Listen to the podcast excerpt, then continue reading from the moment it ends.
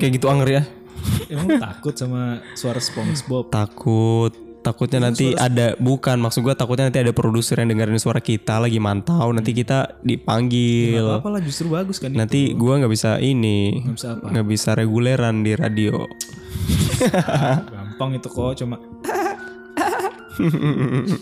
Tapi selamat datang sekali lagi untuk PNS Gang Benar. Kita balik lagi di podcast Next Scary Mm-mm. udah episode yang keberapa gitu lah ya Banyak pokoknya. banget ya episode kita ya. Tapi untuk di episode kali ini cuy Ini ada satu cerita yang sudah dikirimin. Sebenarnya udah lama banget setelah Hmm. kita upload dua episode gitu ya. Yes benar. Jadi respon dari PNS Gang emang wah sangat sangat ini ya sangat membuat kita takjub gitu ya banyak yang respon dan akhirnya mereka menceritakan apa yang mereka alamin salah satunya ini ada dari eh, Hamida Eka Safitri Hmm, hmm, hmm, benar. Jadi kan kalau kemarin tuh kita udah ngangkat langsung ngobrol sama yang bersangkutan ya. Kan ini kan soalnya kan ada beberapa PNS geng juga yang nggak berani untuk ngomong secara langsung. Jadi dia ngirimnya via DM dan email gitu. Jadi kita mau baca ini satu-satu nih. Kita lu mulai dari mana nih? Dari kiriman siapa tadi namanya? Hamida Hamida Hamida. Oke. Hamida Eka Safitri Nanti kita bakal bacain dua ya, teman-teman ya. PNS geng kita mulai dari Hamida dulu. Oke, ini cerita Hamida Eka Safitri eh, PNS Gang. Jadi dia cerita begini ya. Halo. Halo, Kak. Aku Nah. Halo, Kak. Aku mau ceritain pengalaman aku tentang keanehan yang terjadi beberapa bulan lalu. Saat itu bertepatan di hari Sabtu malam atau tepatnya malam Minggu saat itu ada aku, tante, adik-adik dan kakak serta calon suaminya yang main ke yang main ke salah satu taman bermain di kota kami. Dan pada saat itu kami berangkat setelah maghrib dan tiba di tempat bermain seperti biasa kami langsung menemani adik-adik untuk bermain dan nggak jarang juga untuk beli makanan-makanan ringan ya. Sampai pada akhirnya waktu sudah menunjukkan jam 9 dan perjalanan kami dari satu jam. Nah karena kami tidak ingin pulang larut malam, akhirnya kami memutuskan untuk pulang jam 9 malam. Di perjalanan pulang, semua normal dan seperti biasa aku baca doa karena udah jadi kebiasaan tiap naik kendaraan. Nah karena rumah mereka ini agak di pedalaman, jadi mereka harus melewati jalanan yang sepi dengan kiri jalanan bukit. Dari 15 menit mereka memulai perjalanan memang mereka itu kayak udah mulai menceritakan kejadian-kejadian mistis yang pernah terjadi di jalan yang mereka lewatin. Karena memang jalan tersebut tuh banyak sekali peristiwa yang menyeramkan, mulai dari pembunuhan, gantung diri, sampai kecelakaan yang mengakibatkan korban meninggal di tempat jalan yang mereka lewati itu menanjak dan otomatis mobil melaju kencang dari bawah kan karena takut eh, posisi karena takut inilah takut jadi kayak ambil ancang-ancang gitu ambil ancang-ancang jadi kebut dari bawah langsung vung ke atas dan posisi jalanan juga kan sepi.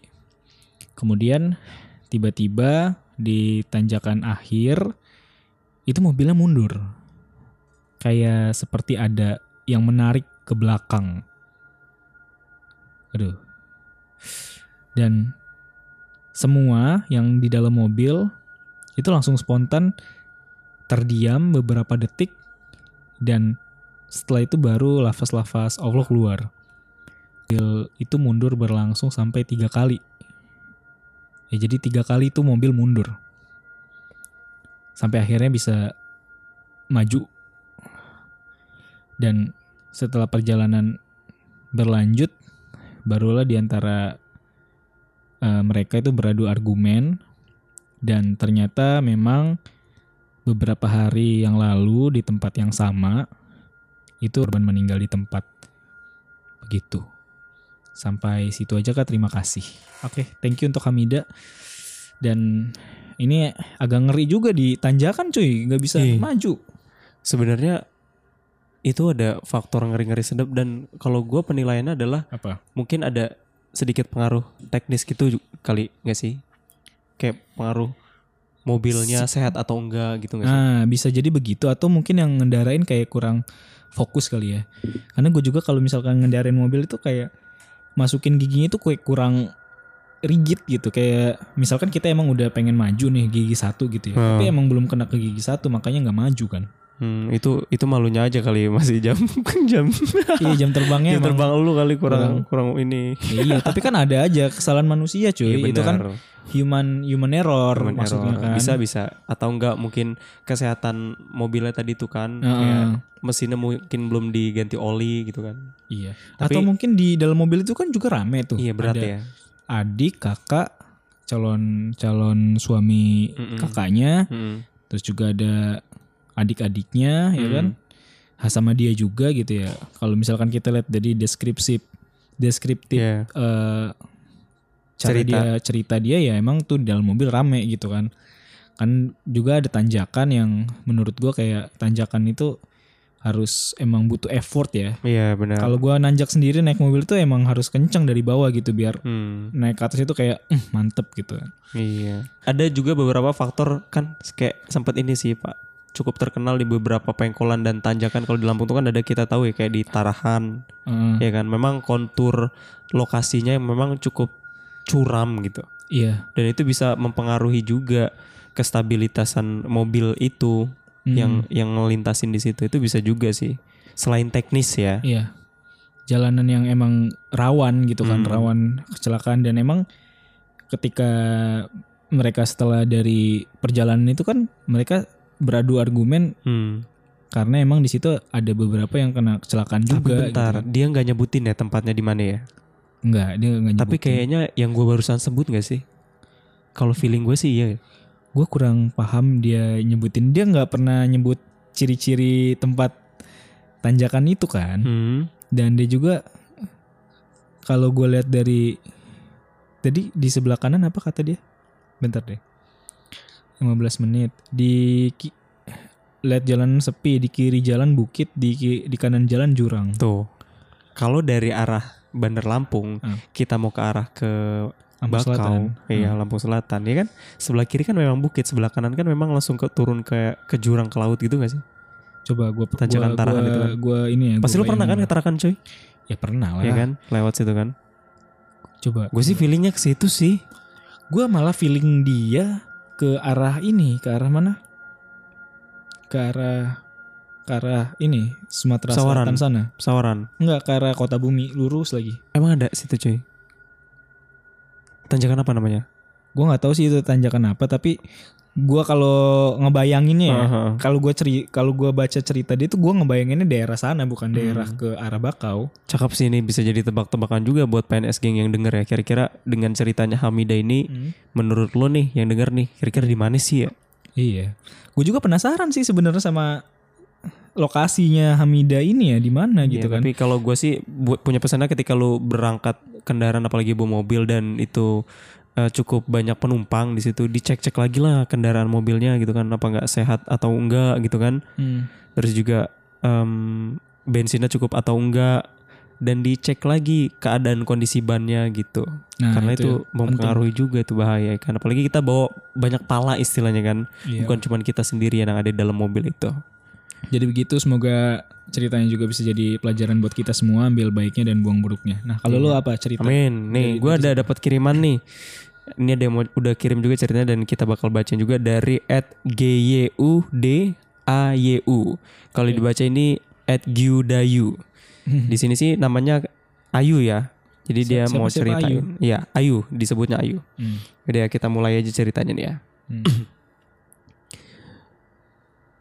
By the way, kejadian horor ini terjadi di keluarga aku dan cukup serem sampai aku dan sekeluarga harus ngungsi ke rumah nenek aku yang di Tanggamus.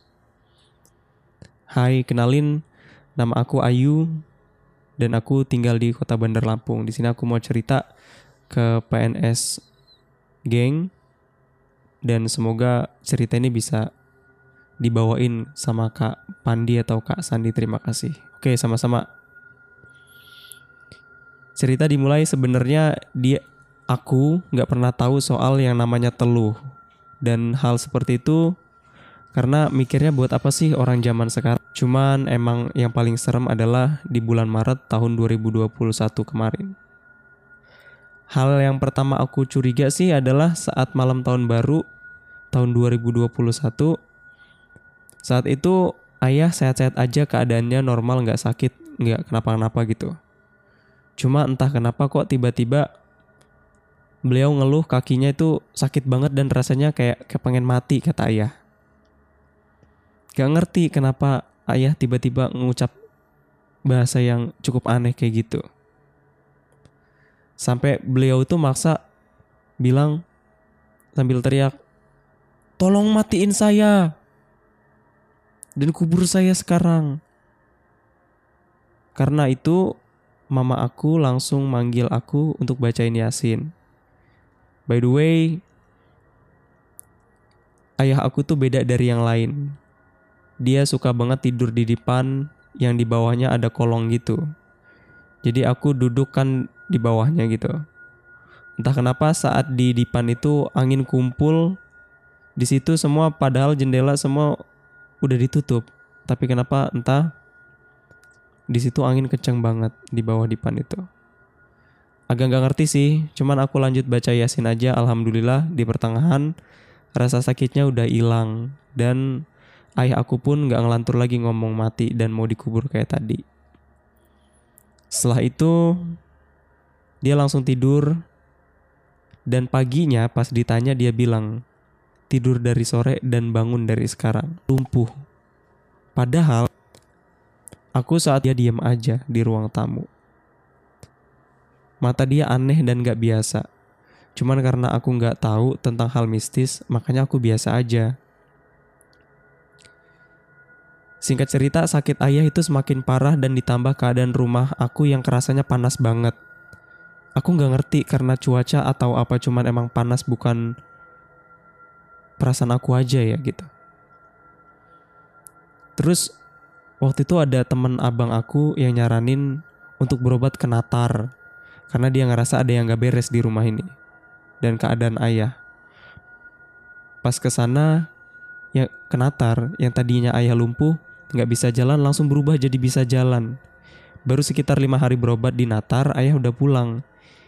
Dia maksa harus pulang pokoknya. By the way, berobatnya itu mama dan ayah kayak nyewa rumah gitu di Natar supaya nggak bolak-balik dari Teluk ke Natar.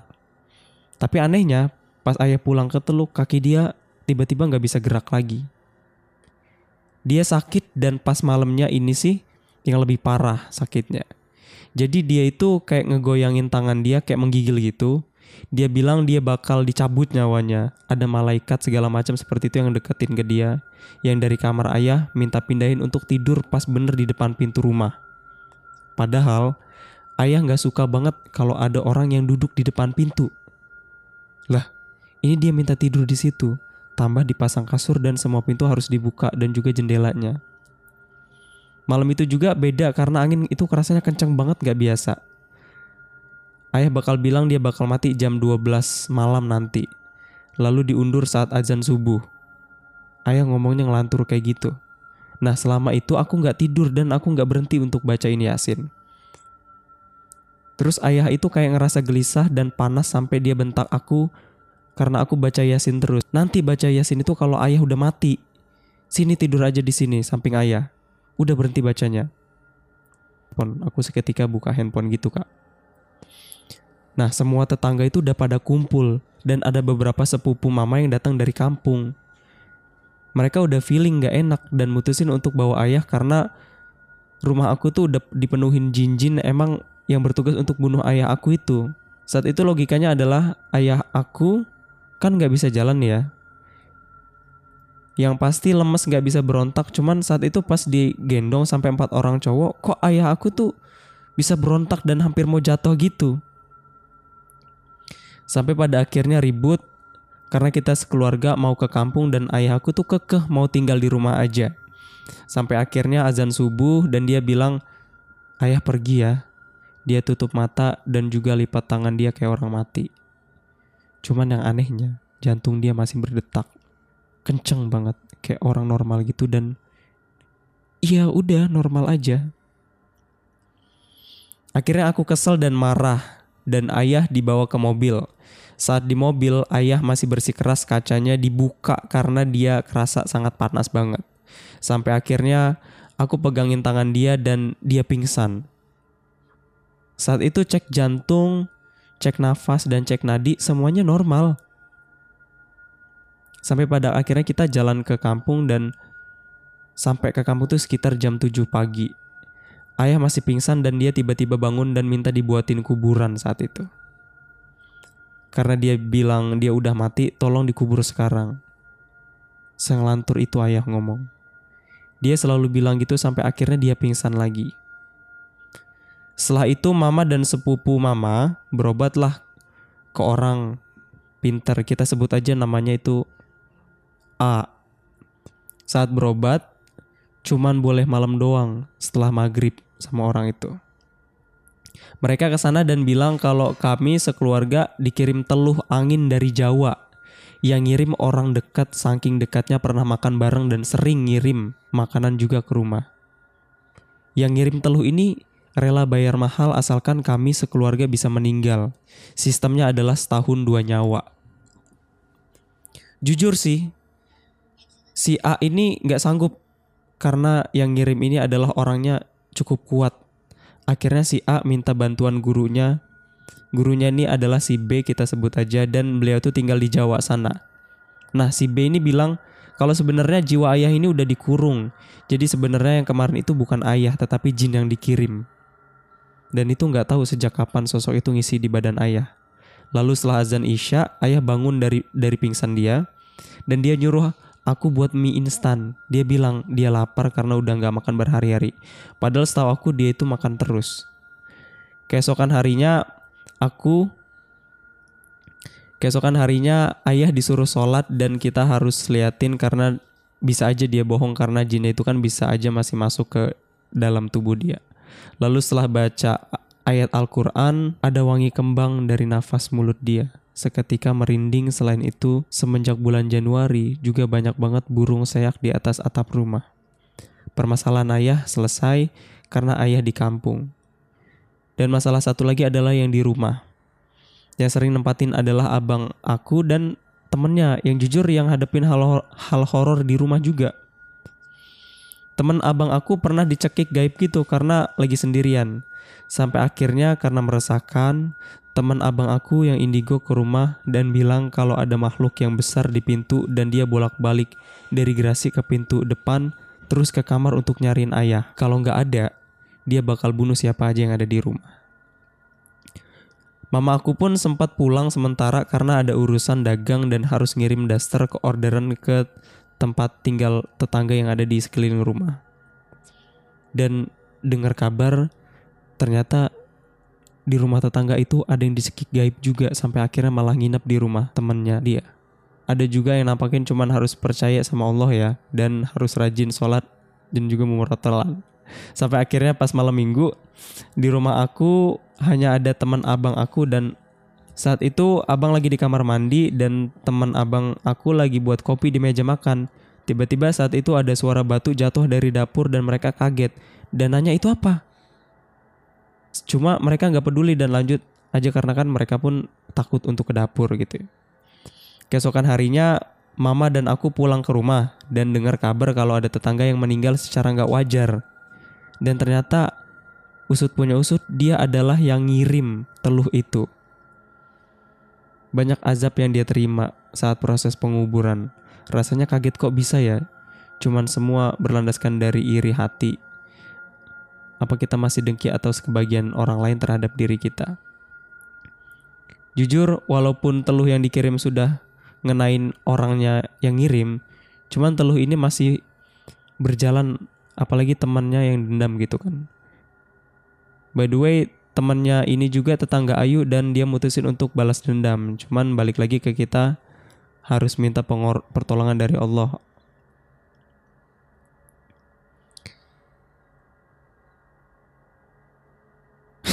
Apa udah selesai? Ini gantung banget ya ceritanya cuy. Oh gitu. Tapi ini gua tanya sih Hmm. sebenarnya. Hmm. Kan gue cukup penasaran juga. Terus kabar ayahnya gimana setelah tahu akhirnya gitu kan? Hmm. Kabar ayah aku alhamdulillah udah bisa jalan aktivitas kayak biasa lagi kak. Cuman ya jangan lupa pada sholat dan berdoa lah ya gitu. Terus gue tanya lagi nih. Tapi orang yang ngirim itu tinggalnya di mana gitu kan di Jawa atau di dekat rumah yang di Teluk gitu. Hmm. Yang ninggal itu ta- te- tetangga yang ngirim dia. Jadi katanya itu di daerah Teluk juga. Jadi dekat rumah yang di Teluk. Hmm. Kalau dukun yang di Jawa itu yang dia ngirim itu, yang orang yang ngirim ini dukunnya di Jawa itu nggak mati. Cuman ya itu jin yang ngirim kan maunya nyawa karena nggak dapat nyawa ayah si Ayu ini, jadi dia nyawa yang ngirim itu. Oh. Terus gue tuh penasaran ya kan, Hmm. penasaran jadi gue tanya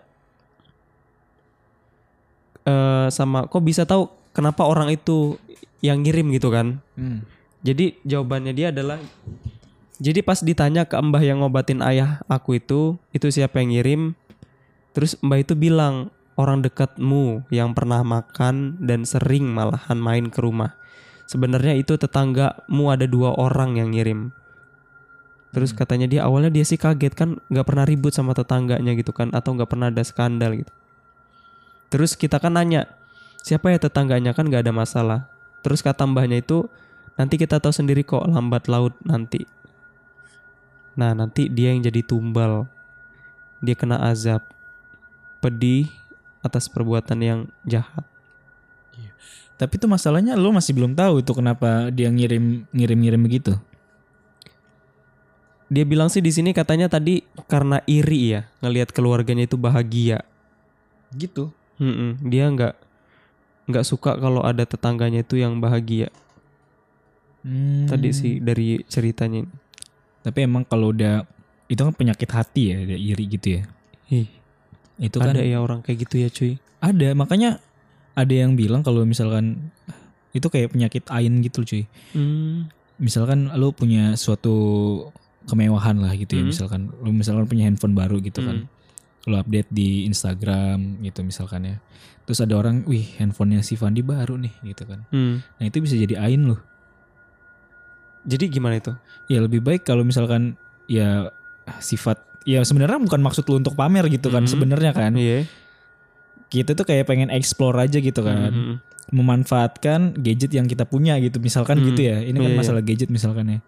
Tapi itu tafsiran ke orang lain bisa beda gitu loh. Contohnya gini lagi deh, misalkan lu punya anak nih. Lu punya anak, Hmm. kan ada beberapa orang tua yang posting anak-anaknya. Ya anaknya lucu banget sih gitu kan. Hmm. Nah misalkan ada aja orang yang nggak suka gitu kayak iri gitu dengan kok dia dikasih anak gua enggak gitu. Hmm. Itu bisa juga jadi penyakit ain juga gitu cuy. Maksudnya gue tuh masih belum paham ya dengan penyakit ain yang memang cukup lagi ramai diperbincangkan gitu ya cuy ya. Iya. Jadi penyakit ain itu itu bisa nyerang fisik gak sih cuy? Ah, Maksud gue kayak ada Iya. rasa di fisiknya gak gitu? apa ya gue belum pernah gue nggak ngerti sih sebenarnya Hmm. masalah begini tuh ya tapi gue rasa sih ada gue rasa sih ada kayak rasa ke fisiknya kayak lu dongkol kali itu kan kayak masuk ke fisik juga sih lu kayak gemes gitu "Ugh, kok kok dia iya gue enggak gitu Gue tuh kadang suka aneh sih cuy.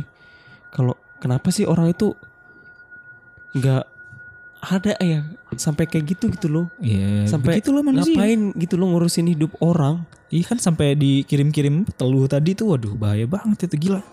Udah main ke jin begitu kan? Niat Udah banget. melibatkan jin dalam urusan manusia gitu. Niat banget lagi dia Hmm. sampai ngirim-ngirim jin untuk ngebunuh ya. Iya, kalau misalkan emang dia punya permasalahan antara manusia dan manusia ya selesain secara manusia gitu kan. Hmm. Misalkan bilang, "Eh, lu jangan gini dong, gue iri nih." Misalkan begitu ya, secara Hmm. terang-terangan gitu kan. Jangan sampai lu di depannya baik, sampai makan bareng gitu kan, Hmm. tapi lu di belakang jahat banget lu ngirim-ngirim begitu. Ya Allah, gue mah. Tapi pada akhirnya kan tadi dia cerita Hmm. itu kena orang yang ngirimnya sendiri. Oh gitu ya. Karena bapaknya ini kan dievakuasi dari rumahnya. Hmm. Jadi rumahnya itu udah dikelilingin sama jin-jin itu udah dikepung lah istilahnya tadi dia bilang. Waduh. Itu di daerah mana sih? Ada di daerah Teluk. Oh daerah deket rumah lu. Mm-mm. Tapi nggak nggak deket-deket banget sih ngeri juga ya gue. Janganlah. Tapi ya udahlah eh, PNS geng semoga ini jadi pelajaran buat kita semua ya. ya bener lah ya. Oke. Dan thank you banget untuk siapa tadi namanya?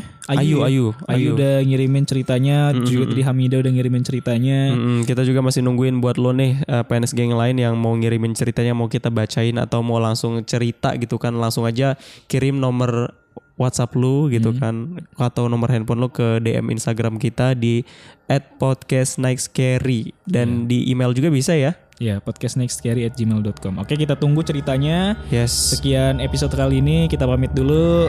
Bye bye. Bye.